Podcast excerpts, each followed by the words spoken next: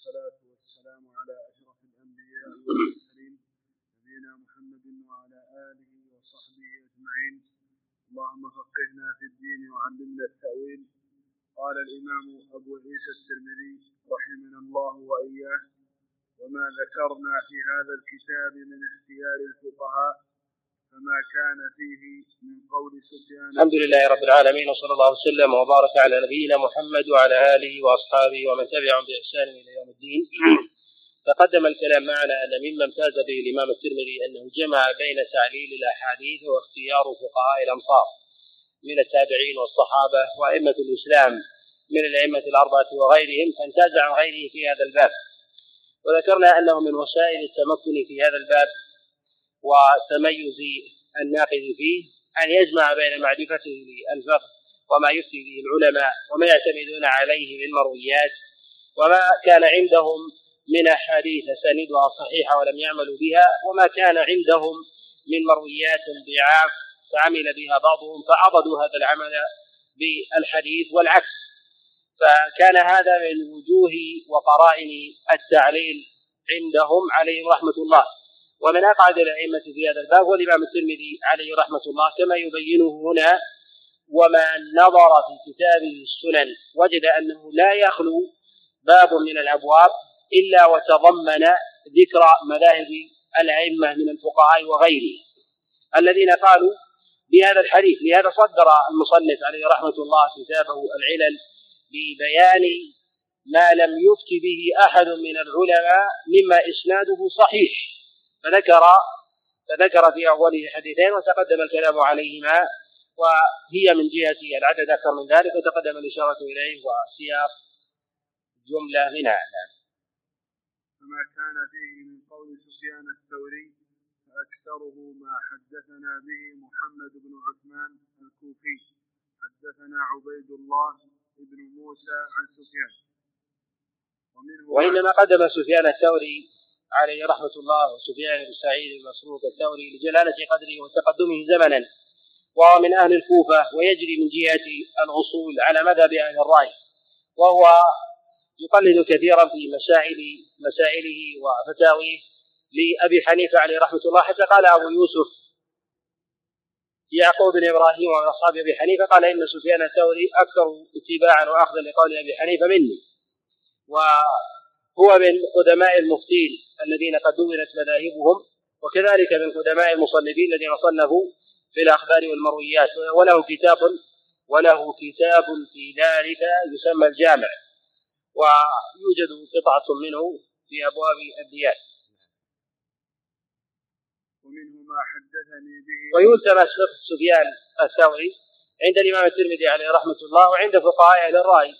كمحمد الحسن وأبي يوسف وكذلك غير ممن جاء بعد ذلك كأبي الحسن وغيرهم كذلك عند فقهاء الكوفة على وجه العموم والمؤلفين المصنفين من أهل العراق فإنهم يعتنون بمروياته أكثر من غيره نعم. ومنه ما حدثني به أبو الفضل مكتوم بن العباس الترمذي حدثنا محمد بن يوسف الفريابي عن سفيان. وما كان من قول مالك بن أنس فأكثره ما حدثنا به إسحاق بن موسى الأنصاري حدثنا معا بن عيسى القزاز عن مالك بن أنس. والإمام مالك بن أنس كما لا يخفى له جملة من أصحابه من المدنيين وله جملة من أصحابه من المصريين وله جملة من أصحابه من المغاربة. وأقوى أصحاب الإمام مالك عليه رحمة الله هم أصحابه المدنيين الذين قد أطالوا المكت عنده. سواء ممن انتقل إلى مصر أو انتقل إلى المغرب. وما يذكره المصنف عليه رحمة الله تعالى هنا ما وصل إليه من الآراء من النقلة سواء كانوا من الفقهاء أو غيرهم. والإمام مالك عليه رحمة الله له جملة من أجلة من أصحابه الذين قد اعتنوا بأقواله ونقلوها وكان من أجلة الفقهاء الذين يعدون من المحققين كعبد الله بن بن واب وكذلك أشهب وقاسم وكذلك عبد الرحمن بن القاسم وغيرهم. وكذلك من روى المدونة ممن حقق مسائل الإمام مالك عليه رحمة الله تعالى ولقحها كسحنون وابن حبيب وكذلك أيضا عسد بن الفرات وهو الذي قد اعتنى بالجمع المدونة وترتيبها. وثمة جملة أيضا من أصحابه من المغاربة هو بالإجمال يقدم أصحاب الإمام مالك من المدنيين وإن انتقلوا وإن انتقلوا إلى مصر بعد ذلك. ومعلوم أن جملة من أصحاب الإمام مالك عليه رحمة الله ممن أخذ عنه الفقه في المدينة كعبد الرحمن ابن القاسم وكذلك ابن وهب وأشهب قد انتقلوا بعد المدينة إلى إلى مصر. فنشروا الفقه هناك حتى جاء الإمام مالك عليه رحمة الله تعالى فاستقر في مصر وانتشر فقهه هناك وغلب.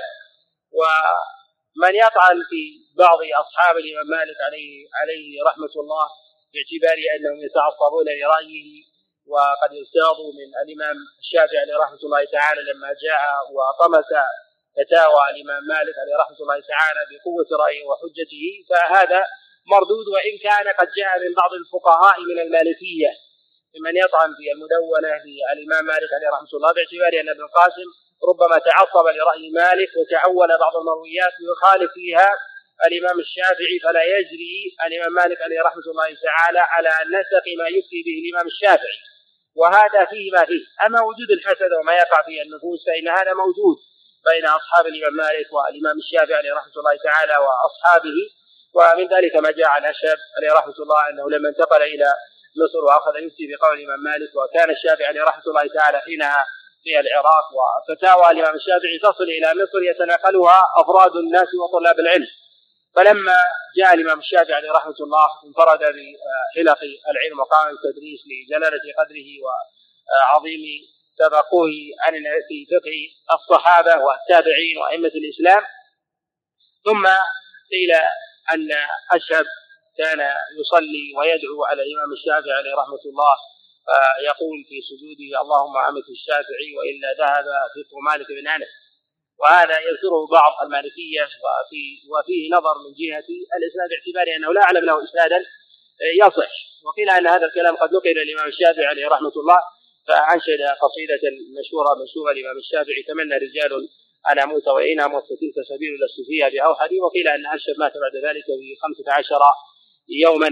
والله أعلم في ذلك ومنهم من يسأل ابن القاسم في كتاب المدونة ويقول أنه ربما تعول بعض الآراء ليخالف الشافعي عليه رحمة الله. هذا كله قول لا يسوى نقله باعتبار عدم ثبوته من جهة النظر والصبر. فإن ابن القاسم من الأئمة الأجلة الكبار ومن كبار المتفقهة على مذهب الإمام مالك بل أن له أقوال يخالف فيها الإمام مالك عليه رحمة الله. ومن نظر في كتاب المدونة وجد هذا وجد هذا ظاهرا فهو أجل وأنزى وأصدق من أن يكون على هذا المنوال. وإن وجد بعض المسائل التي ينفرد فيها من جهة النقل عن أصحاب الإمام مالك عليه رحمة الله فيقال أنه من المكثرين من جهة النقل والتبرد في هذا الباب لا يعني طعنا فيه حتى يكثر الإنسان. وعليه يعلم أن ابن القاسم بجلالة قدره والمدونة التي قد حظي واعتنى بها العلماء في سائر البلدان وخاصة من المالكية يجل أن تنقد بأمثال هذا الكلام المرسل الذي ليس له إسناد يعتمد عليه. نعم. وأجل ما يذكره المصنف عليه رحمة الله تعالى ما وصل إليه هنا في الرواة عن الإمام مالك عليه رحمة الله النقلة الذين ينقلون وليسوا هم من الكبار الذين جمعوا بين الرواية والفقه. وهذا لا مشاحة فيه باعتبار أن الإمام مالك عليه رحمة الله تعالى قد دون فقه في كتاب الموطأ وجملة من المسائل هي مدونة في في كتاب المدونة التي قد دونها وحررها سحنون آه، عليه رحمة الله وقبل ذلك قد جمع هذه المسائل ونقحها بعض أصحاب الإمام مالك عليه رحمة الله كعبد الرحمن بن القاسم وهو الأصل والنب في جمع المدونة. هؤلاء قد جمعوا بين الفقه وبين الرواية. وعلى كل فيقال أن طالب العلم إذا أراد أن يلتمس فقه الإمام مالك فعليه أن ينتقل إلى النصوص والأقوال المنقولة عنه بالأسانيد الصحيحة عن أصحابه. فإذا وجد نصا في كتاب الموطأ فلا فلا ينتقل إلى غيره ثم بعد ذلك المدونة ثم ما يأكله أصحابه في مصنفاتهم عن الإمام مالك عليه رحمة الله تعالى في بأسانيدهم عنه. وما كان فيه من أبواب الصوم فأخبرنا به أبو مصعب المدني عن مالك بن أنس وبعض كلام مالك ما أخبرنا به موسى بن حزام قال أخبرنا عبد الله بن مسلمة القعنبي عن مالك بن أنس. وهؤلاء من رواة الموطأ. نعم. وما كان فيه من قول ابن المبارك فهو ما حدثنا به أحمد بن عبده الآملي عن أصحاب ابن المبارك عنه. ومنه ما روي عن أبي وهب محمد بن مزاحم عن ابن المبارك. والمبارك من قدماء المصنفين وكذلك الفقهاء وله آراء متداولة إلا أن آراءه الفقهية لم تدون في كتاب معين. وإنما ينقلها الفقهاء والأئمة بالأفواه وتوجد منثورة في بعض المصنفات من المصنفات المتقدمة التي تعتني بآراء الأوائل. منها ما ينقله الإمام الترمذي عليه رحمة الله تعالى في كتابه هذا ومنها ما هو منثور في كتب السير والتواريخ. ويعتني بالجملة المحدثون بآراء عبد الله المبارك باعتبار أنه لا يجري على نسق مذهب معين في غالب آرائه. وهو بالجملة من المتحررين المتحررين الذين يميلون إلى الأخذ بالدليل من جهة الأصل نعم. ومنه ما روي عن علي بن الحسن عن عبد الله بن مبارك. ويظهر أن المصنف عليه رحمة الله تعالى لم يميز هذه الأقوال. بعضها عن بعض. فلا يقول أن هذا مما يرويه فلان عن المبارك وهذا مما يرويه فلان عن المبارك. وإنما يقول بعضها من طريق فلان وبعضها من طريق فلان. ولكن طالب العلم يستفيد أن هذه النقول التي ينقلها الإمام الترمذي عليه رحمة الله الطرق فيها إلى عبد الله المبارك هي طرق صحيحة سواء كان في أبواب العبادات أو في أبواب المعاملات. نعم. ومنه ما روي عن عبدان عن سفيان بن عبد الملك عن ابن المبارك ومنه ما روي عن حبان بن موسى عن ابن المبارك ومنه ما روي عن وهب بن زمعة عن فضالة النسوي عن عبد الله بن المبارك وله رجال مسمون سوى من ذكرنا عن ابن المبارك وما كان فيه من قول الشافعي وله جملة من المصنفات منها المسند ومنها كتابه في الزهد وله بعض الرسائل المخطوطة وله الجامع أيضا. ولا يعلمه موجودا. وما كان فيه من قول الشافعي فأكثره ما أخبرنا به الحسن بن محمد الزعفراني عن الشافعي. وما كان من الوضوء والصلاة فحدث. وما كان فيه من قول الشافعي فأكثره ما أخبرنا به الحسن بن محمد الزعفراني عن الشافعي. حسن بن؟ الحسن بن محمد الزعفراني. وما كان من الوضوء والصلاة فحدثنا به أبو الوليد المكي عن الشافعي. أكثر المرويات عن الإمام الشافعي عليه رحمة الله ما يذكره الترمذي عليه رحمة الله في سننه هي من طريق الحسن بن محمد بن الصباح الزعفراني. والحسن بن محمد بن الصباح هو من قدماء أصحاب الإمام الشافعي عليه رحمة الله بالعراق إذا فالترمذي عليه رحمة الله يكثر من نقل قول الإمام الشافعي القديم. ولهذا قال أكثر ما يرويه هنا من طريق الحسن بن محمد بن الصباح الزعفراني. والحسن بن الصباح ليس من أصحاب الإمام الشافعي الذين يرون عنه فقه في مصر وإنما روى رووا عنه الفقه في العراق. ومعلوم أن الإمام الشافعي له جملة من أصحابه في العراق وجملة من أصحاب المصريين ودق أصحاب الإمام الشافعي هم المصريين وذلك أنهم قد أخذوا آخر اقواله التي قد أفتى بها.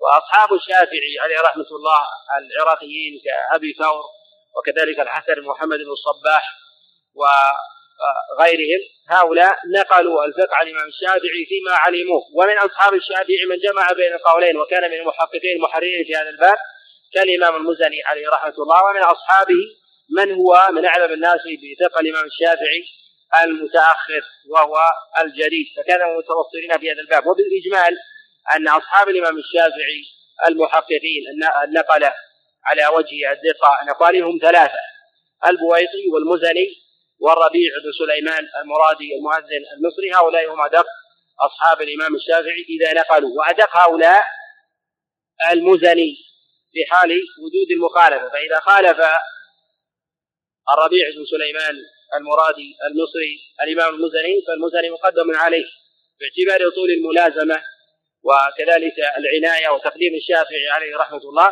وإن كان الإمام البويطي عليه رحمة الله ممن كان من المجالسين والمكثرين برواية عن الإمام مالك إلا أن الإمام المزني ممن جمع بين دقة النقل عن الإمام الشافعي وكذلك قوة التفقه.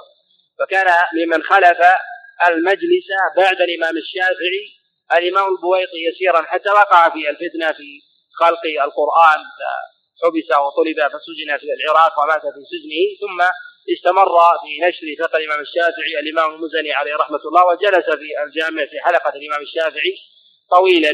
ويذكر الفقهاء الشافعية ما وقع بين أصحاب الإمام الشافعي من خلاف في الآراء والفتيا والتنازع في ذلك. وعلى كل لا حاجة إلى إيراد ذلك وإنما يقال أن طالب العلم إذا أراد أن يقف على قول الإمام الشافعي بدقة أن يميل إلى هؤلاء الثلاثة وفي حال ورود الخلاف وهو قليل عنه من يقدم الاثنين وهما الربيع بن سليمان المرادي مؤذن المصري ويقدم الإمام المزني عليهما رحمة الله. في حال الخلاف فإنه يقدم يقدم المزني على الربيع خاصة إذا كان الدليل يعضد قول المزني فإنه يقدم في هذا. والمزني ممن اختص بمعرفة المذهبين الإمام الشافعي القديم والجديد وله مختصر في ذلك وقد شرحه جماعة من الفقهاء من الشافعية كالشربيني وغيره. ومنه ما حدثنا به أبو إسماعيل الترمذي حدثنا يوسف بن يحيى القرشي البويطي عن الشافعي وذكر منه أشياء عن الربيع عن الشافعي. وقد أجاز لنا الربيع ذلك وكتب به إلينا. والربيع آه، ممن أجاز الإمام السندي وهو يعد من طبقة متقدمة من أصحاب الإمام الشافعي عليه رحمة الله وله نقول ينفرد بها عن الإمام الشافعي. وكما تقدم أن المزني هو أدق الثلاثة وهو العمدة حال حال تعدد الأقوال. وذلك أنه قد مكث مدة طويلة بعد الإمام الشافعي ينقح آراءه ويجمع بينها. وأما الربيع فهم من نقل في أقوال الإمام الشافعي. وكذلك أيضا البويطي أيضا يعد من النقلة إلا أنه من الفقه والتحرير وقوة القياس والنظر لا يوازون الإمام المزني. حتى عده بعض العلماء أنه من أصحاب الفقه المجتهدين على الاستقلال. وإن كانت أصوله على مذهب الإمام الشافعي إلا أنه آراء يخالف فيها الإمام الشافعي كما أشار إلى هذا الإمام النووي عليه رحمة الله من أجلة فقهاء الشافعية وما كان فيه من قول أحمد بن حنبل وإسحاق بن إبراهيم فهو ما أخبرنا به إسحاق بن منصور عن أحمد وإسحاق يعني الكوسج ومسائله مطبوعة. ومسائل إسحاق بن منصور هي من المسائل المفيدة التي نقل فيها آراء الإمام أحمد عليه رحمة الله وقرنها بآراء إسحاق بن راهوي. ومن جملة أن إسحاق بن راهوي ممن يكثر من موافقة الإمام أحمد في فتيا وذلك قربه منه نفسا في العناية بالحديث والدليل. نعم. فهو ما أخبرنا به إسحاق بن منصور عن أحمد وإسحاق. إسحاق بن منصور مفاريد عن الإمام أحمد. ينبغي لطالب العلم أن يحترز وهي قليلة بالإجمال هو من آه، من النقلة وروايته من الروايات الصحيحة عن الإمام أحمد وأدق أصحاب الإمام أحمد هم أبناؤه عبد الله وصالح. ويأتي بعدهم حنبل وله مفاريد ويأتي بعد ذلك أصحابه كمهنا وابن هانئ وابي بكر الخلال وغيره. إلا ما في أبواب الحج والديات والحدود فإني لم أسمعه من إسحاق بن منصور وأخبرني به محمد بن موسى الأصم عن إسحاق بن منصور عن أحمد وإسحاق. يعني أنه أخذه عن إسحاق بن منصور بواسطة.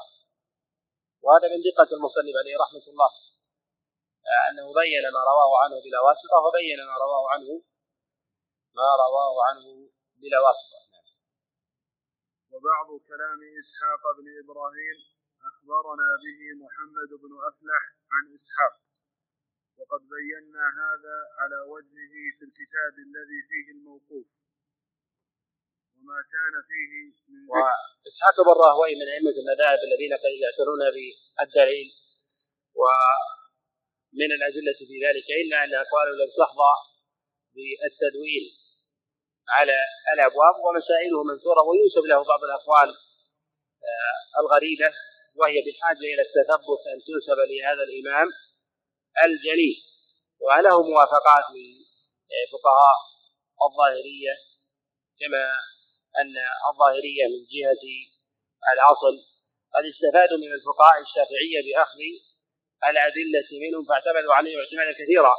فأوائل تفقه فقهاء الشافعية كان على على مذهب الإمام الشافعي عليه رحمة الله ثم نشروا الرأي والأخذ بالظاهر في في بلاد المغرب من الأندلس وغيرها. وقد بينا هذا على وجهه في الكتاب الذي فيه الموقوف. وما كان المصنف عليه رحمة الله يشير إلى أن له مصنفا في الموقوفات والآثار. على طريقة من يجمع فقهاء من يجمع فقه الصحابة والتابعين على وجه الاستقلال. ومنهم من قال أن له مصنف يجمع فيه المؤلف الترمذي المرفوع مع الموقوف كلها مسندات. والمصنف في كتابه السنن يورد أقوال الصحابة ولكنها معلقة ولا يريدها مسندة. ولما قيل أن له كتاب أكبر من ذلك اختصر منه السنن أورد فيه المرفوع والموقوف بالإسناد. واحتمال أن يكون له كتاب جمع فيه الموقوفات على طريقة المصنفات مصنف أبي شيبة وعبد الرزاق وكتب المنذر وأمثالها. وما كان فيه من ذكر العلل في الأحاديث والرجال والتاريخ فهو ما فهو ما استخرجته من كتاب التاريخ وأكثر ذلك ما ناظرت به محمد بن إسماعيل. الإمام الترمذي عليه رحمة الله يعول على الإمام البخاري كثيرا وقد استفاد منه وقد استفاد منه كثيرا من قواعده وأصوله. ولهذا أشار إلى أن ما يتكلم فيه العلل هو مما استخرجه من كتاب التاريخ. ومراده بكتاب التاريخ كتاب التاريخ الإمام البخاري والتاريخ الكبير وهو العمدة في أبواب العلل. وفي هذا نص من الإمام الترمذي على أن كتاب التاريخ الإمام البخاري هو كتاب علل. وإن كان يتجوز آه، البعض والإمام البخاري عليه رحمة الله بتسميته بالتاريخ لأن العلماء لم يجعلوا لهذا العلم أصلا مستقلا بل يجعلوا العلل ممتزج بالتاريخ وبالتبويب وبالفقه فيجعلون هذا العلم بابا واحدا. وثم بعد ذلك استقل هذا العلم بمصنفات مستقلة. أورد البخاري عليه رحمة الله في كتابه التاريخ أسماء الرواة وما استنكر عليه من مروياتهم ويذكر في أثناء سياقه من سمع من هذا من هؤلاء الرواة من لم يسمع في بعض الأحيان. وما يذكره من أخبار في تراجم الرواة فهو مما أخذ عليهم أو تفردوا تفردوا به من الأحاديث. عليه فينبغي لطالب العلم حال النظر في كتاب التاريخ أن يستحضر أنه ينظر في كتاب علل. ككتاب العلل للدار قطني والعلل لأبي حاتم وغيرها وإن كان اسمه وإن كان اسمه كتاب التاريخ. ومنه ما ناظرت به عبد الله بن وينبغي أيضا لطالب العلم ألا يتعجل فيفهم بعض الألفاظ على ظاهرها على حسب استعمالات كثير من المصنفين من المعاصرين والمتأخرين الذين يفهمون بعض الألفاظ على خلاف مراد الأئمة. فللبخاري عليه رحمة الله كثير من الاصطلاحات الخاصة به سواء في معاني الإرسال وكذلك سماع بعض الرواة من بعضهم كذلك الكلام على بعض الأحاديث كذلك الجرح لبعض الرواة وإطلاق بعض الألفاظ فله اصطلاح خاص. وكيف يعرف طالب العلم هذه الاصطلاحات؟ يعرفها طالب العلم بطريقتين الطريقة الأولى بسر هذه المرويات ومقارنة بكلام هؤلاء الأئمة الأجلة الذين تكلموا على ذات الراوي فالأصل في الأئمة أنهم يتوافقون ففي حال الموافقة يحملها على الأغلب فيتضح له مراد الإمام البخاري والطريقة الثانية أن ينص أحد من الأئمة المعتبرين النقاد على تفسير الإمام البخاري عليه رحمة الله هذا اللفظ أو لغير الإمام البخاري أنه أراد به آه، أراد به هذا المعنى. وهذا يكون طالب العلم فيه على دراية بهاتين الطريقتين. وينبغي لطالب العلم أن يلتمس رأي أهل الصبر والدقة ممن يفسر ألفاظ الأئمة عليه رحمة الله من أدق هؤلاء الأئمة المتأخرين الإمام الذهبي عليه رحمة الله فهو من المعتنين بتفسير ألفاظ الأئمة بالجرح والتعديل بل هو من أدق من جاء بعد النقاد الأوائل في هذا الباب نعم. ومنه ما ناظرت به عبد الله ابن عبد الرحمن وأبا زرعة يعني الدارمي قال وأبا زرعة يعني أنهم أنه قد جالسهم ونظرهم في الأحاديث وخلاصة هذه المجالس قد دونها في كتابه في كتابه السنن. وعليه يعلم. أن ما يذكره الإمام الترمذي عليه رحمة الله في كتابه السنن. قد دققه ومحصه سواء بالمناظرة أو بالرجوع إلى كتب النقاد من أهل العلل وغيرهم كالإمام البخاري وأنه ما دون هذه العلل من تلقاء نفسه وإنما كان ذلك بعد نظر ومناظرة وتعمل لهذا لا يمكن أن يوصف الإمام الترمذي بالتساهل أو الانفراد بالأحكام. وإن كان له ألفاظ يطلقها على الأحاديث تخالف الشائع عند أهل الاصطلاح فينبغي حينئذ أن يرجع في هذه الألفاظ إلى اصطلاحه ويعرف هذا بالطريقتين التي تقدم الكلام عليهما بسبر كلام الإمام الترمذي حتى تعرف حتى تعرف مقاصده من إيراد هذه الأحكام. سواء على الحديث أو على الرواة. وكلامه هنا في كتاب العلل أنه ناظر الدارمي وناظر أبا زرعة في هذه في كثير من الأحاديث وإيراد العلل يدل على مكانة أحكامه أنه علل الأخبار المروية في كتاب السنن بعد مناظرة وتنقيح ورجوع لكلام النقاد. نعم. وأكثر ذلك ومعلوم أن الدارمي كذلك أبو زرعة من من أئمة النقد ومن الكبار في ذلك. وأبو زرعة جليل القدر بل هو من المقدمين في هذا ولهذا يقول أبو حاتم لما توفي أبو زرعة قال مات من يحسن هذا يعني يعني العلل. وقيل له أيحسن هذا هذا اليوم أحد بعده؟ قال لا. وهذا يدل على جلالة قدره وعلو منزلته ومسائله مجموعة له له مسائل. قد نقل ابن أبي حاتم في كتاب العلل وله مسائل منثورة أيضا في جملة في جملة من الرسائل ينقلها جماعة من المحققين ما لا يوجد في كتاب العلل لابن أبي حاتم. ينبغي لطالب العلم أن يعتني بكلام هؤلاء هؤلاء الأئمة. وأبواب العلل ينبغي أن لا ينفذ طالب العلم بالحكم على الأحاديث. بالعجلة أو ظن أنه قد أخذ بزمام الأمور وعرف قواعد الاصطلاح وقواعد الحديثية وقواعد التعليل وقرائن الترجيح فيحكم على الاحاديث هذا ليس من طريقة أهل التحري وأهل الصدق والديانة بل ينبغي له أن يكثر ويبالغ من الرجوع إلى كلام الأئمة النقدة الكبار الذين جمعوا بين الرواية والدراية.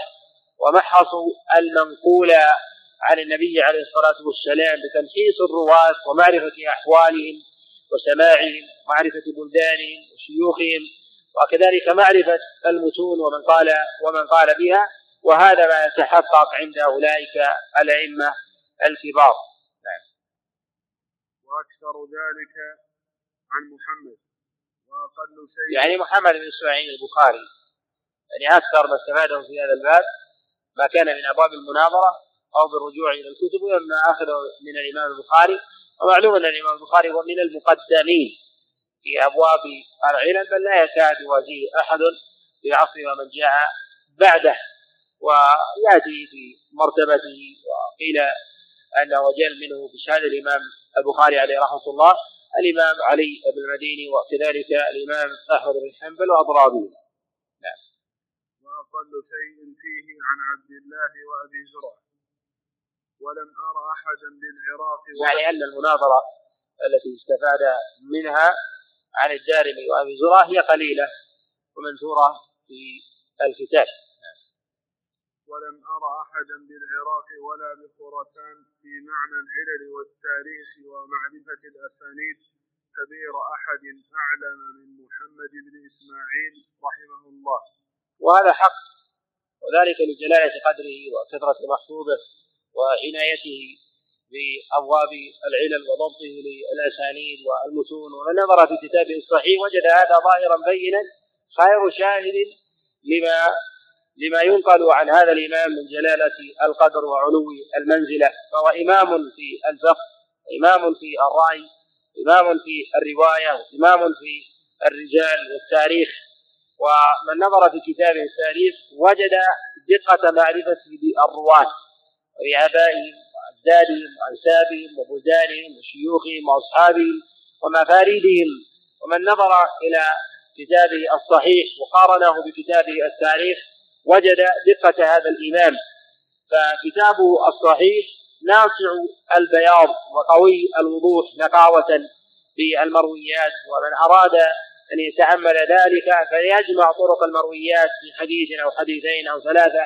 يجد أن الإمام البخاري عليه رحمة الله قد دقق في الألفاظ ومحص وبه يعلم تجوز كثير من المعاصرين بإطلاق الكثير من الألفاظ الذين يظنون أنهم يحاكون فيها الإمام البخاري عليه رحمة الله بأن يقولوا هذا الحديث على شرط البخاري. هذا تجوز ومبالغة. ومن هؤلاء الذين يحكمون على الأحاديث أنها على شرط البخاري. شرط البخاري في الأسانيد والمتون لا يمكن أن يتحقق في أحد ممن جاء بعده أو يلاليه قد يتحقق شيء من ذلك أو كثير من ذلك في الأسانيد. أما المتون فلا يمكن أن يتحقق ذلك أبدا. والسبب في ذلك أن البخاري حينما يخرج الحديث لا يخرجه لأجل إسناده فقط وإنما يخرجه لأجل المتن فيقارنه بسائر المتون المحفوظات. بالنسبة له فيورد هذا الحديث. فحينما تحكم على حديث من الحديث أن هذا الحديث على شرط البخاري يعني أنك عرفت وملكت من آلة النظر بضبط المتون ومقارنتها بالألفاظ المروية وما عليه الفتيا والفقه ثم رأيت أن هذا الحديث مناسب في هذا الباب وهذا لا يمكن أن يوجد. أما من جهة الأسانيد فهي سلسلة ينظر فيها الإنسان ثم يحكم أن هذا على شرط البخاري ومسلم هذا بالسهولة بالمكان أسهل من النظر في المتون على هذا ينبغي أن يحترز طالب العلم من أن يحكي هذه اللفظة. احتراما لجلالة هذا الإمام وجلالة إقراره من الأئمة بل يقول أنها إسناده على شرط البخاري أو إسناد أو رواته رواة البخاري أو رجاله رجال الصحيح. أما أن يطلق أنه شرطه على شرط البخاري البخاري ليس من شرطه الرجال فقط بل من شرطه المتون. فهو يورد المتن وقد سبره وعرضه على أقوال النبي عليه الصلاة والسلام كلها وعرضه هل هو مما يفتى به أم لا؟ ولهذا ثمة أسانيد يروي يرويها البخاري في خارج الصحيح هي على شرطه مما يستنكر. وعليه يعلم أن نظر البخاري في المتون ودقته في هذا الباب هي كنظره ودقته في أبواب في أبواب الأسانيد. نعم. وإنما وإنما حملنا على ما بينا في هذا الكتاب من قول الفقهاء وعلل وعلل الحديث لأننا سئلنا عن هذا فلم نفعله زمانا ثم فعلناه لما رجونا فيه من منفعة الناس لأن وجدنا غير واحد. الإمام الترمذي عليه رحمة الله في جمعه للآراء الفقهية عن هؤلاء الأئمة يدل على أنه لا يميل إلى فقه أحد بعينه وإنما يتجرد بالدليل. لهذا جمع أقوال الأئمة الفقهاء ومن سائر البلدان من الحجاز والعراق ومصر وحرر هذه الأقوال وكذلك فتي الصحابة عليهم رضوان الله تعالى ودون ذلك. وإن كان ينسبه بعضهم إلى الفقه الشافعي فهذا الذي يظهر والله أعلم أن فيه أن فيه نظر. وهذه النسبة للأئمة عليهم رحمة الله يحتاج تحتاج إلى طول نظر وتحمل وقرن أقوالهم بأقوال غيرهم حتى يخرج منها طالب العلم بينة ومن قرن أقوال الإمام الترمذي ونقوله وكذلك عرف منهجه في الفقه عرف أنه له مذهب مستقل في الفقه. وهؤلاء الأئمة الكبار يتنازعون أرباب المذاهب وأتباع الأئمة يريدون بذلك تقوية لآرائهم كما أن الإمام البخاري عليه رحمة الله ينتزع الفقهاء من أهل الرأي من الحنفية ويقولون أنه كان على مذهب أبي حنيفة ولا زال على ذلك. وهذا فيه نظر فالإمام البخاري عليه رحمة الله نعم قد تأثر بأقوال أهل الرأي وكان على مذهب أبي حنيفة في ابتداء أمره ثم ثم تحرر من ذلك ورجع إلى الدليل. بل في كتابه الصحيح له ردود وتعقبات كثيرة على على أبي حنيفة. فإذا أطلق في كتابه الصحيح بقوله وقال بعض الناس يريد بذلك أصحاب الرأي ويتعقبهم بإيراد كثير من الأحاديث ومن نظر إلى تراجمه والتمس فقه وجد هذا بينا. لأن وجدنا غير واحد من الأئمة تكلفوا من التصنيف ما لم يسبقوا إليه. منهم هشام بن حسان وعبد الملك بن عبد وقيل أنه أول من صنف في الأحاديث المسندة عن رسول الله صلى الله عليه وسلم. ومروياته موجودة في كتب السنة أما على وجه الاستقلال فلا يوجد له شيء مصنف بين أيدينا. نعم. منهم هشام بن حسان وعبد الملك بن عبد العزيز بن جريج وسعيد بن أبي عروبة ومالك بن أنس. وابن جريج كذلك من أوائل المصنفين وله مصنف جمع فيه بعض الموقوفات والمرفوعات وهي منثورة. ومن اعتنى بمرويات ابن جريج عبد الرزاق في كتابه المصنف وسعيد بن أبي عروبة أيضا من اوائل المصنفين وله كتاب جمع فيه كثيرا من أقوال الصحابة وكذلك التابعين يوجد قطعة منه في أحكام في أحكام المناسك نعم. ومالك بن أنس وحماد بن سلمة وعبد الله بن المبارك ومالك بن أنس له كتاب الموطأ الكتاب المشهور وعمدة مذهبه وجمع فيه بين المرفوع والموقوف وتدوين آرائه. وحماد بن سلمة وعبد الله بن المبارك ويحيى بن زكريا ويحيى وعبد الله بن المبارك له الكتب التي تقدم الإشارة إليها. وحماد بن سلمة له كتاب في في جمع المرويات عن رسول الله صلى الله عليه وسلم وكتاب الجامع. ويوجد منثورا في كتب السنة ولكنه لا يوجد على الاستقلال. ويحيى بن زكريا بن أبي زائدة ووكيع بن الجراح وعبد الرحمن بن المهدي وغيره وهؤلاء آه، ابن أبي زائدة ووكيع واضرابهم لهم مصنفات وهي من جملة المفقود على وجه الاستقلال لكنها منثورة. وهناك من الأئمة من وقف على هذه الأجزاء وأخرج عنها ممن وقف على أمثال هذه الكتب وأكثر من نقل عنها. أبو الرجب عليه رحمة الله في كتبه فيخرج من حديث سعيد بن عروبة ويخرج من كتاب سفيان ومن كتاب وكيع بن الجراح وحماد وغيره وعبد الرحمن وعبد الرحمن بن مهدي وغيرهم من أهل العلم والفضل صنفوا فجعل الله تبارك وتعالى وفي الغالب أن تصنيفات هؤلاء الأئمة لا تجري على التبويب الفقهي وإنما هي على المسانيد. وكثير منهم يجمع المرويات كيفما سبق وكأنهم أرادوا بذلك المذاكرة. وكان الأئمة في الصدر الأول يحترزون من التدوين والكتابة وذلك لنهي الصحابة عليهم رضوان الله تعالى في ابتداء الأمر عن ذلك فان ابا بكر الصديق قد نهى عن الكتابة. وكذلك عمر بن الخطاب والنبي عليه الصلاة والسلام قد نهى عن ذلك ثم رخص فيه. وقد دل دليل في ذلك على رسول الله صلى الله عليه وسلم وقد ترجم على هذا الإمام البخاري عليه رحمة الله في كتابه الصحيح في كتاب العلم قال باب في كتابة العلم. ثم أورد فيه قول النبي عليه الصلاة والسلام اكتبوا لابي شاه وكتب بعض أصحاب رسول الله صلى الله عليه وسلم جملة من المرويات عنه. كعبد الله بن عمرو وكذلك عبد الله بن عباس واضرابهم وكان لعبد الله بن عمرو بن العاص صحيفة تسمى صحيفة صادقة. قد روى جملة آه، بعض أبنائه كالرواية المشهورة عمرو بن شعيب عن أبيه عن جده. صنفوا فجعل الله تبارك وهذا الاحتراز من الأئمة خشية أن يلهيهم ويشغلهم عن القرآن. فمنعوا من ذلك ولما حفظ القرآن وضبط ودون بأمر أبي بكر عليه رضوان الله تعالى في ابتداء الأمر لما شاور عمر بن الخطاب وأمر زيد بن ثابت بالجمع فالتمس الصحف يمنة ويسرى ثم كان هذا القرآن عند أبي بكر ثم عند عمر ثم عند حفصة ثم جمعه عثمان بن عفان ونشره في نشره في الآفاق ولم يفت شيء من كلام الله سبحانه وتعالى منزل على النبي عليه الصلاة والسلام إلا إلا وهو بين دفتي هذا المصحف. والسبب في ذلك أن أبا بكر الصديق لما قتل في أيام المرتدين في واقعة اليمامة كثير من الحفظة خشي ان أن يفقد شيء من القرآن فجمع من صدور الحفظة.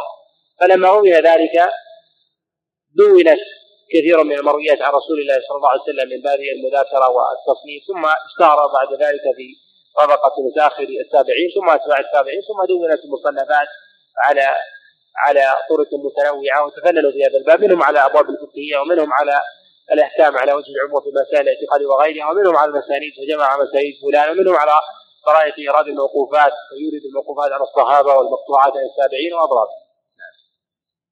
ولهم بذلك الثواب الجزيل عند الله بما نفع الله المسلمين به فبهم القدوة فيما صنفوا. وقد عاب بعض من لا يفهم وهذا يدل على أهمية الاقتداء وأن ينبغي الإنسان أن ينظر إلى أسلافه في حال سلوكه لمسلك من مسالك العلم. فالإمام الترمذي قد استأنس والتمس لنفسه العذر بتدوين هذا الكتاب. أن الأئمة عليهم رحمة الله قد صنفوا في هذا الباب من سبقه. كهشام بن حسان وكذلك ابن جريج وابن مهدي وسفيان وابن مبارك وغيرهم من هؤلاء الأئمة الذين صنفوا في في جمع حديث رسول الله صلى الله عليه وسلم. فكأنه قدم الحجة في ذلك لإجماع الأمة على مشروعية ذلك. والتدوين ليس مقصودا بذاته. فالإنسان لا يدون لأجل ذلك ذات التدوين وإنما يدون وإنما يدون لأجل الفائدة والنفع له ولمن كان في عصره ولمن جاء بعده. وقد نفع الله عز وجل بمصنفات هؤلاء الأئمة الذين دونوا سواء ممن كان قبل الإمام الترمذي عليه رحمة الله. وإن فقدت مؤلفاتهم فإن هذه المؤلفات هي مجموعة في كتب السنة وإن لم يبينوا أنها بواسطة مؤلف. فالإمام البخاري عليه رحمة الله يروي عن كثير ممن له تصنيف في هذا الباب فيروي مثلا عن ابن جريج ويروي عن سفيان ويروي عن وكيع واضراب هؤلاء الأئمة الذين لهم مصنفات متداولة فأخذوها على سبيل السماع والرواية ثم دونوها فساعدت هذه الكتب على ضبط تلك المرويات. فكانت الكتابة وسيلة لضبط العلم وحفظه. ولهذا يقول الإمام أحمد عليه رحمة الله حدثنا أناس من حفظهم وحدثنا أناس من كتبهم. فكان الذين يحدثون من كتبهم أضبط.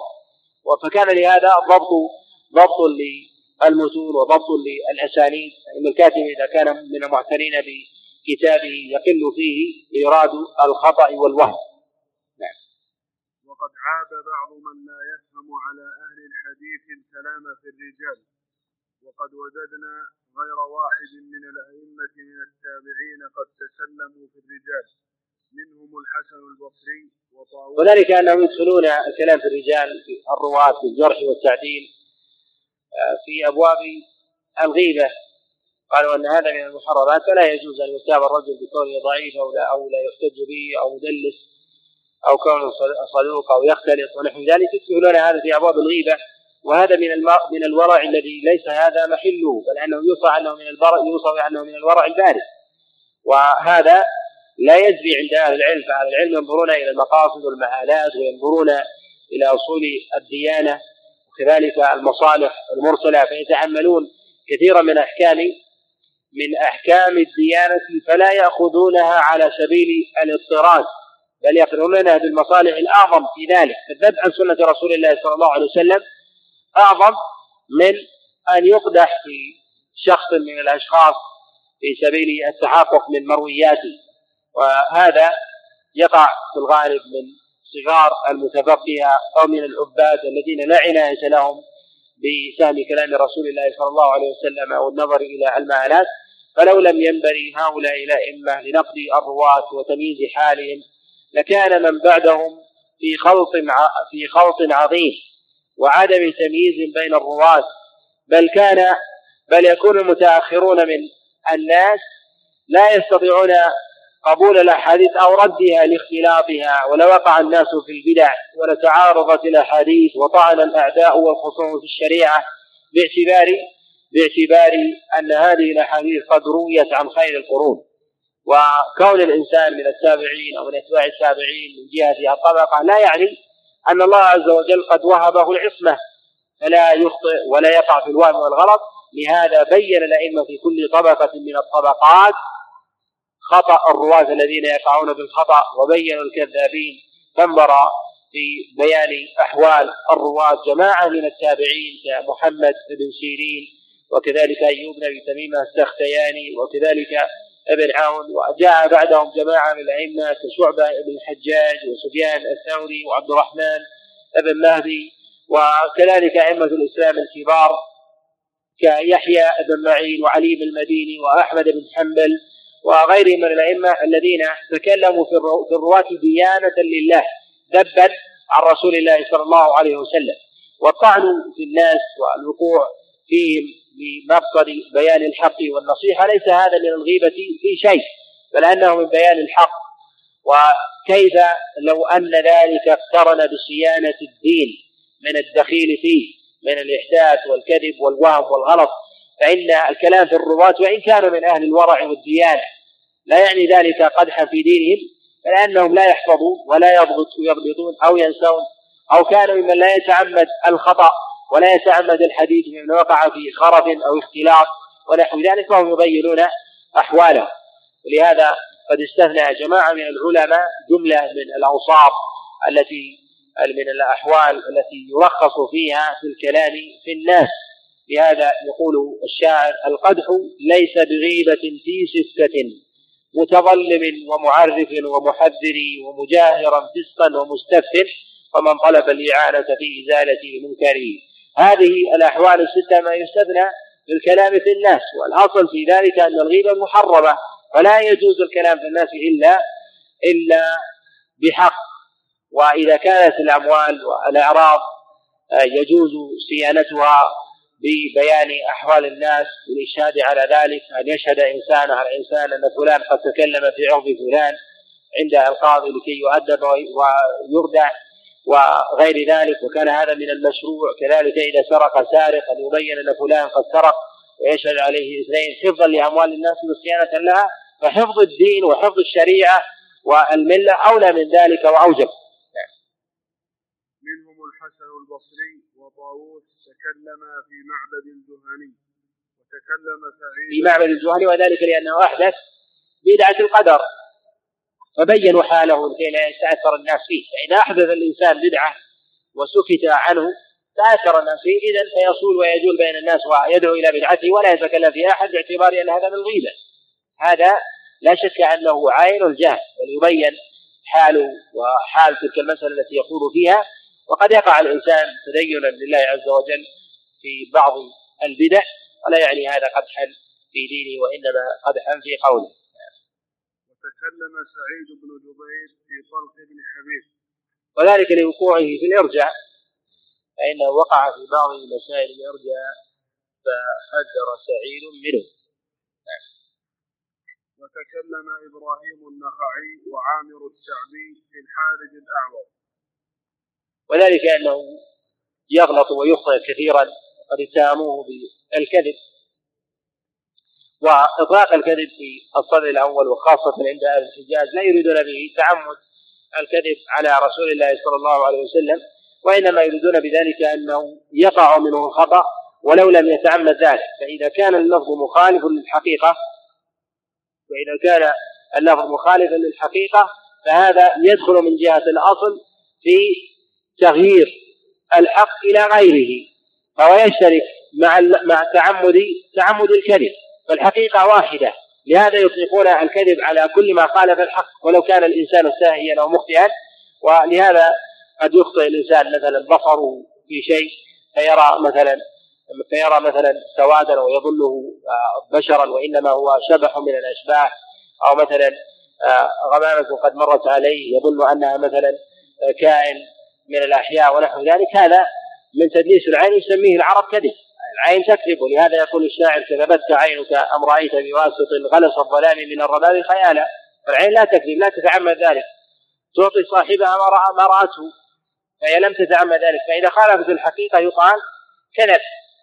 هذا الرجل ولهذا يقول عبادة في الرجل الذي قد نقل عنه أنه قال بإيجاب الوزر قال كذب أبو محمد وفي قول النبي عليه الصلاة والسلام في السنن كذب أبو السنابل لما أفتى بما يخالف رسول الله صلى الله عليه وسلم مجتهدا في ذلك ولهذا يقول أبو طالب كذبتم وبيت الله يعني كفار قريش لا تأخذونه ما دام فيه للسيف قائم ذابا عن رسول الله صلى الله عليه وسلم نعم.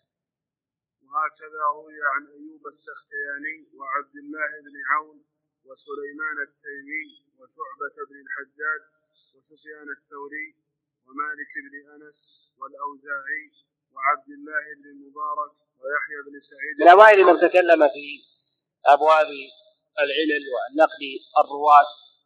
الأئمة التابعين عليهم رحمة الله تكلموا في الرواة ومن أشهر من تكلم في أبواب العلل والجرح والتعديل محمد بن سيرين.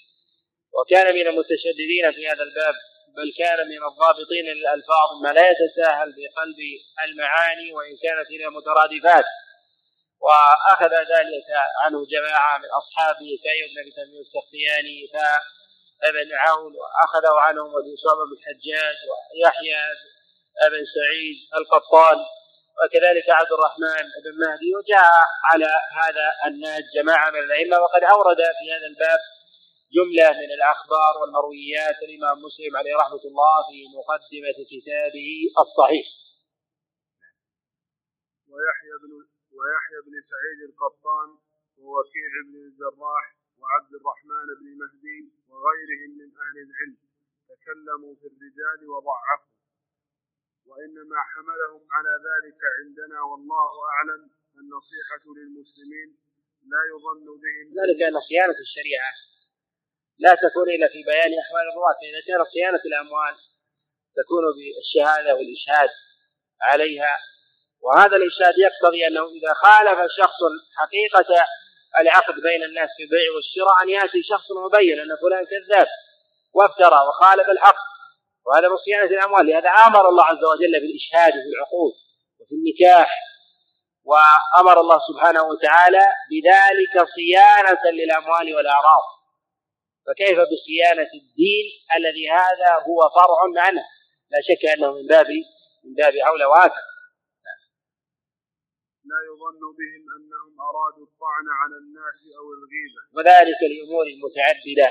أولا لجلالة قدرهم وعلو منزلتهم وإمامتهم وهم في الديانة والورع بالمنزلة المعروفة المحفوظة. الأمر الثاني أن هؤلاء الأئمة ما أرادوا بذلك مصلحة في دنياهم. فلا يريد من هؤلاء نصيبا وليسوا هم من جهة الأصل ممن ينافسهم في دين أو دنيا وإنما هم من جملة الرواة من جملة الرواة العابرين فبينوا أحوالهم وبينوا الحق فيهم ديانة لله نعم.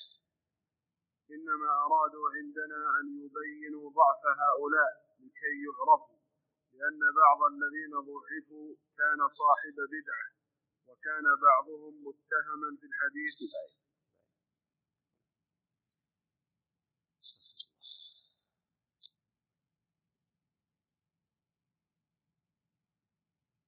يقولون ما هي الطريقة المناسبة في حفظ السنة. الطريقة المناسبة في حفظ السنة يرجع في ذلك إلى ما يجب على الإنسان أن يتعلمه من العلوم الشرعية.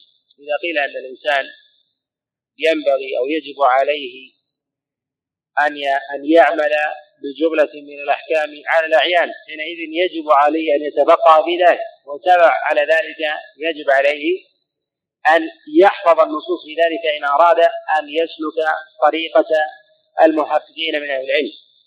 فيحفظ في ذلك الأحاديث الكليات التي تتكئ عليها أصول الأحكام كالأربعين النووية وأضرابها ثم بعد ذلك ينتقل كتب الأحكام. باعتبار أنها تجمع أصول الأحكام عن وسلم وكذلك فروع الديانة التي يحتاجها الناس في حياته. وهذا ما ينبغي لطالب العلم أن يعتني به حفظا وضبطا في ابتداء الأمر وأن لا ينتقل إلى الأصول إلا بعد أن يعتني بأحاديث الأحكام. فيحفظها ويعرف الصحيح من الضعيف ويتفقه فيها ثم ينتقل بعد ذلك إلى الدواوين المشهورة في المصنفة في على المساريد سواء على الأبواب أو على مساريد أصحاب رسول الله صلى الله عليه وسلم. ومن القصور أن ينصرف طالب العلم إلى حفظ الكتب المصنفة من الدواوين الكبيرة كالصحيحين وغيرهما ولم يبتدئ بأحاديث الأحكام. وهذا من الخطأ ومن العجلة.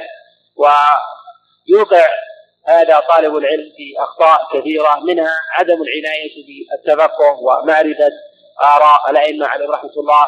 كذلك يجهل كثيرا مما أمر به. فالإنسان معلوم أنه قد فرض الله عز وجل عليه الصلاة وفرض الله عز وجل عليه الصيام والزكاة وهو من جهة الأصل يريد أن يتعلم من جهة الابتداء ليرفع الجهل عن نفسه. ورفع الجهل عن نفسه لا يكون إلا بمعرفة ما هو واجب عليه وهي الأحكام. فينتقل الإنسان إلى ما عداها ويحفظ آه، المدونات الشاملة لجميع أنواع العلم التي جمعت دقائق العلم وآداب طالب العلم وكذلك جملة من أحكام الآداب والسلوك والتاريخ والفتن ونحو ذلك وهو بحاجة إلى أن يدرس ويتفقه بأحكام الديانة. فيضبط طالب العلم أحاديث الأحكام بضبط كتاب من هذه الكتب ويسأل كثير من طلبة العلم كيف الطريق إلى قصد كتاب من الكتب وأيها يقدم. وهذا سؤال يكثر عند كثير من الطلبة هل يقدم الكتاب الفلاني أو يقدم الكتاب الكتاب الفلاني؟ وجواب ذلك أن هذا السؤال فرع عن معرفة أصل معين. إذا عرف هذا الأصل زال الإشكال. وهو أن طالب العلم إذا قلنا أنه ينبغي له أن يبتدئ بحفظ أحاديث الأحكام حفظ أحاديث الأحكام لا يضر طالب العلم بأي كتاب بدأ. إذا كان من ممن يعتني بالتبقى.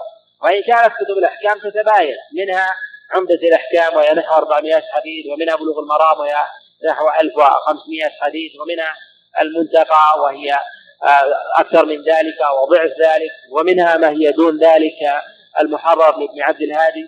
هذه المصنفات تتباين من جهة العدد. أيها يقدم طالب العلم يقال أن طالب العلم يقصد إلى كتاب معين ولو إلى عمدة الأحكام. قد يقول قائل انه يفوتني في هذا الباب شيء كثير نقول أن الطريقة المثلى في ذلك أن يعمل طالب العلم إلى واحد من هذه الكتب ثم يجمع بين حفظه والتفقه في هذه الأحاديث. فيأتي إلى الحديث الأول ويتفقه فيه فيرد عنده في هذا الحديث من الأحاديث المروية التي احتج بها الفقهاء في إيرادهم للخلاف فيحتجون بمسائل ويعترضون عليهم المخالف ويعترض عليهم المخالفون بمسائل. فيندرج تحت الحديث الواحد أحاديث قد تصل إلى عشرة. فينتهي من هذا الكتاب وقد ضبط أضعاف مضاعفة من هذا الحديث. ومن هذا العدد في هذا المصنف إذن يكون طالب العلم قد جمع أحاديث الأحكام لديه. أما من أراد أن يحفظ الكتاب ثم ينصرف إلى غيره هذه طريقة طريقة الكسالى وللأسف أنها طريقة سائدة عند كثير من طلاب العلم. لا ينبغي أن يسلك طالب العلم هذه الطريقة. لأنها توري طالب العلم القناعة بأنه حفظ أحاديث الأحكام وهو من جهة الحق حفظ الألفاظ وما عرف الترجيح وطريقة الترجيح وما أغناه ذلك في هذا الباب من شيء. وكذلك يورثه أنه حفظ هذه الأحاديث عليه يلزم من ذلك أنه ضبط المعاني فيورثه غرورا في نفسه. وهذا من الخطأ الملموس عند كثير من طلاب العلم. فينخرطون في الدورات فيحفظون الحديث ثم ينصرف الكتاب الآخر ثم يحفظ الكتاب الفلاني ثم الذي يليه ثم الذي يليه ولو سئل ما عكف على كتاب بعينه فقرأ أحاديث الأحكام بشروحها وضبط الشروح وضبط الأقوال ثم يظن أنه بهذا الحفظ قد جمع الأقوال وتمكن ووازى الأئمة وهذا لا شك أنه من من القصور. فضبط الألفاظ عن النبي عليه الصلاة والسلام مقصد بذاته ولكنه إذا انفرد به الإنسان أورث الإنسان جهلا وغرورا. وإذا انفرد الإنسان بالفهم ولم يضبط الأحاديث عن رسول الله صلى الله عليه وسلم أورثه ذلك أورثه ذلك قصور وضعف في العلم. فإن الإنسان إذا لم يكن له قاعدة أصلية في العلم يتكئ عليها ولديه محفوظات في كل فن وقع في القصور ونسي كثيرا من مسائل من مسائل الدين. لهذا ينبغي لطالب العلم أن يجمع بين الأمرين بين الحفظ وأن يتفقه في المحفوظ وإن فاته اقرانه ليعلم أن هؤلاء الأقران الذين انصرفوا على هذه الطريقة سيعودون إليه بل يرجعون خلفه وأنه وان تأخر به الزمن سيكون أدق أدق مسلكا وأولى في التقدم من جهة التفقه في أمور الديانة سواء في أبواب الفقه أو أبواب الاعتقاد أو أبواب التفسير وغير ذلك. وهذه هي الطريقة المثلى التي لا يضر طالب العلم فيها ما سلك من ما سلك من التفقه على الكتب أو البدء بالكتاب الفلاني حفظا وفهما لمعانيه. وعليه يزول الإشكال هل أبدأ بالكتاب الفلاني أو أبدأ بالكتاب الفلاني لأنه إذا بدأ بهذا أو بدأ بهذا ما ضره ذلك. وثم بعد ذلك ينصل طالب العلم إلى كتب الأصول ويبدأ بذلك بالصحاح كالبخاري ومسلم ثم كتب السنة المشهورة كالسنن الأربع وما بعد ذلك. وإن قدم كتاب الموطأ للإمام مالك فإنه أولى أولى أولى لعلو منزلة صاحبه وعلو إسناده وكذلك نقاوة أحاديث هذا الكتاب. وإن قدمها طالب العلم على الصحيحين حيث يحفظ كتب الأحكام ثم يأتي بموطأ الإمام مالك ثم يأتي بالصحيحين فإن هذا فإن هذا من المناسب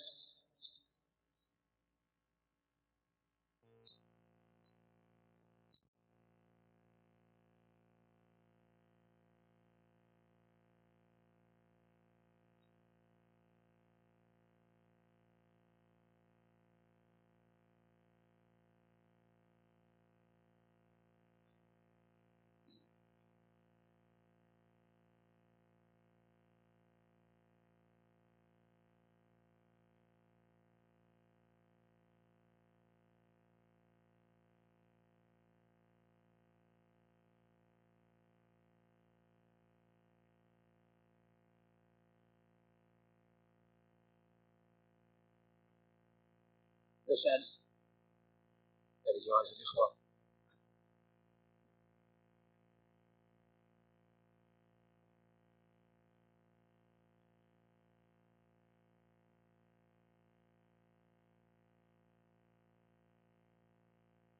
من هم أصحاب الشافعي في العراق؟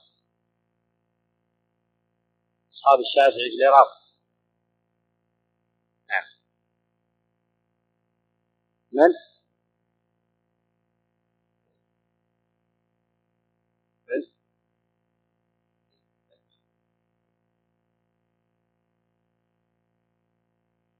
السؤال الآخر. يذكر. آه، الإمام الترمذي أنه قد روى ثقة الإمام الشافعي أكثر في الشافعي عن أحد الفقهاء من أصحابه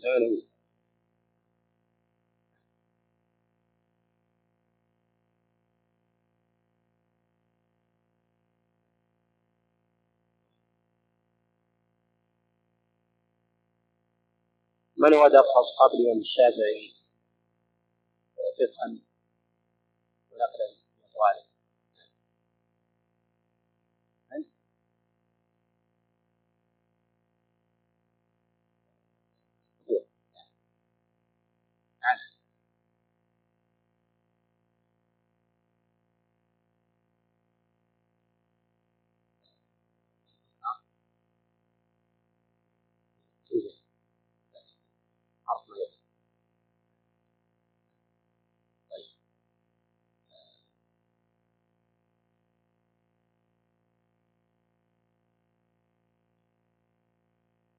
من الذي جمع المدونة الإمام مالك؟